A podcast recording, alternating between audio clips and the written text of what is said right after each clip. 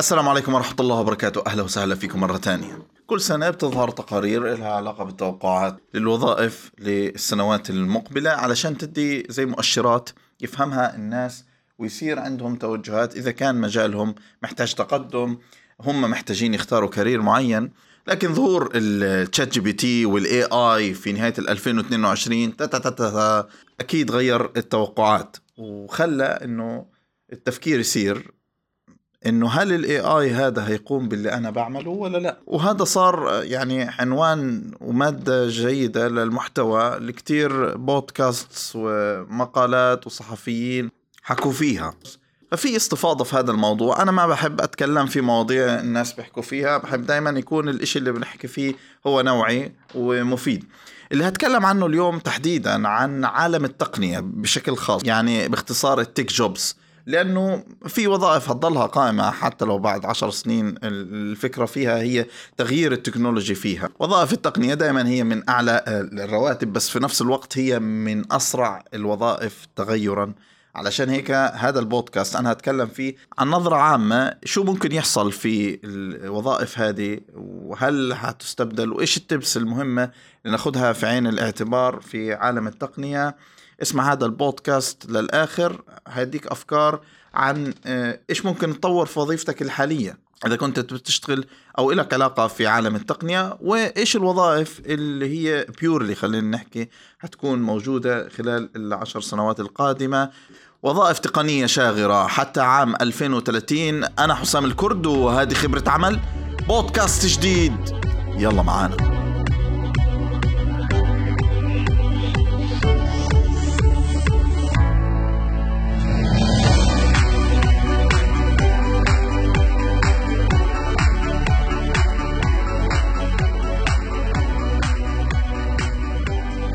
مش من السهل إنك تتوقع وظائف بالتحديد عشر سنوات ويكون التوقع ايدنتيكال يعني 100% فخلينا نكون متفقين. إحنا هنا بنتكلم أول شيء هنحكي عن شغلات لازم تتغير في وظيفتك الحالية وتاخدها في عين الاعتبار. بعدين هنسمي وظائف آه، بعينها بحيث إنك برضو كتوجه ممكن تفكر فيه.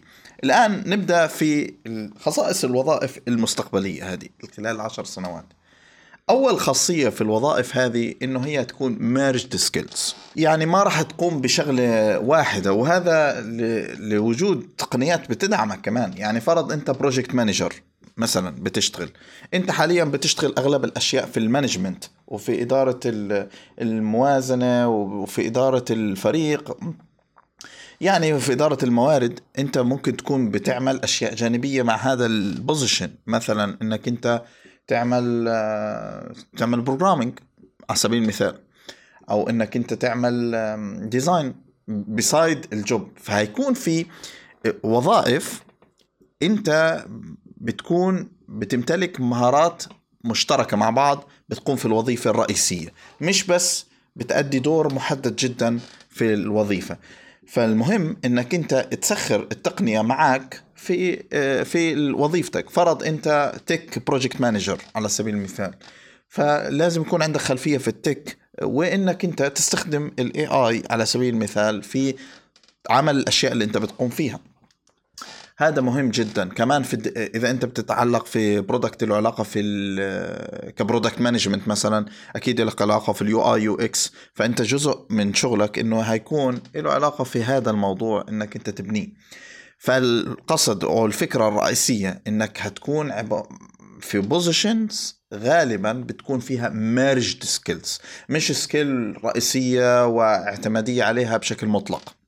فضروري في حالة إنك كنت في هذا ال position بعيد تاني إنك أنت دائما تفكر في التوسع الأفقي في ال skills المتاحة beside your own job فنقطة رقم واحد merge skills أكيد يعني نقطة رقم اثنين مش هتخفى عليكم إنه أنت لازم هتستخدم ال AI في شغلك.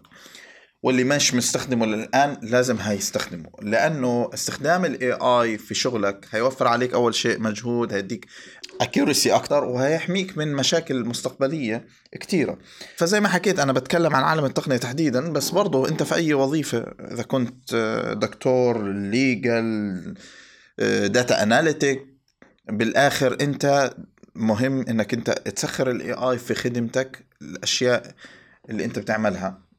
ممكن على مستوى ال writing حاليا الله أعلم بكرة شو ممكن يحصل يكون مش بس عبارة عن تشات يكون أكثر أو generative AI لا هيكون ممكن أكثر من هيك بكتير. فضروري إنك أنت تستخدم ال AI حتى لو أنت بتعمل أي مهمة حاليا في وظيفتك على الأقل تاخذ عليه تعرف كيف تستخدمه تعرف كيف تسأله كيف تتعامل معاه آه، بشكل آه، أوسع وتقرأ المزيد عنه. أما فيما يتعلق بالوظائف بعينها يعني التقنية فمن المتوقع بناء على وجود التغيير هذا اللي حصل إنه هيصير في positions مهمة جدا زي ال cyber security لأنه ال cyber security الحس الإنساني مطلوب جدا والذكاء الإنساني مطلوب جدا في فهمه وفهم السلوك تبعه. صحيح ال AI بيساعد لكن برضه دور الانسان مهم جدا في فمن الصعب استبدال الإنسان على الأقل في هذا المراحل إنه يتغير على AI ال AI هيكون أداة بتساعدك لكن كحماية وكتفكير في في الأشياء محتاجة ذكاء إنساني وفي سلوك وفهم سلوك الإنسان. فال cyber security وكمان طبعا حماية ال identity بتاعت الشخص خصوصا هيظهر في ال AI أشياء يعني بتساعد على تكوين identity وال identity هذه ممكن تكون فيها انتحال مثلا إلكتروني.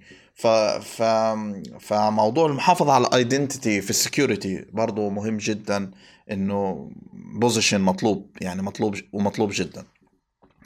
آه، اللي هو ب lead ال tech آه، هذا position برضه مطلوب. يعني أغلب ال leading positions في ال technology هتضلها مطلوبة لأنه آه، حتى لو كان في AI في الآخر you need an integration و you need someone يعني ك human إنه هو يفهم الأشياء ويفهم كيف هي بتتركب مع بعض.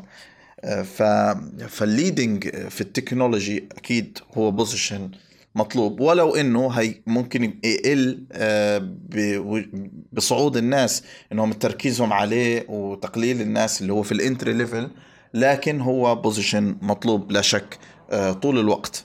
يعني حتى لو إنه مثلا صار الاعتماد على ال AI كمان ال data science تحليل البيانات وعلوم البيانات هذه هتضلها موجودة مهمة.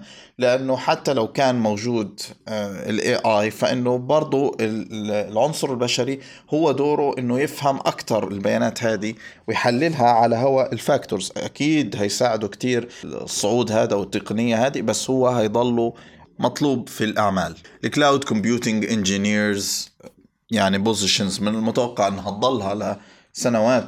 لأنه في infrastructure محتاجة إدارة إنسان في النهاية حتى لو بتصدر آه، تقارير automation وإلى آخره. من الآخر ال cloud engineer وال cloud computing engineers هيضل عليهم طلب بكل تأكيد.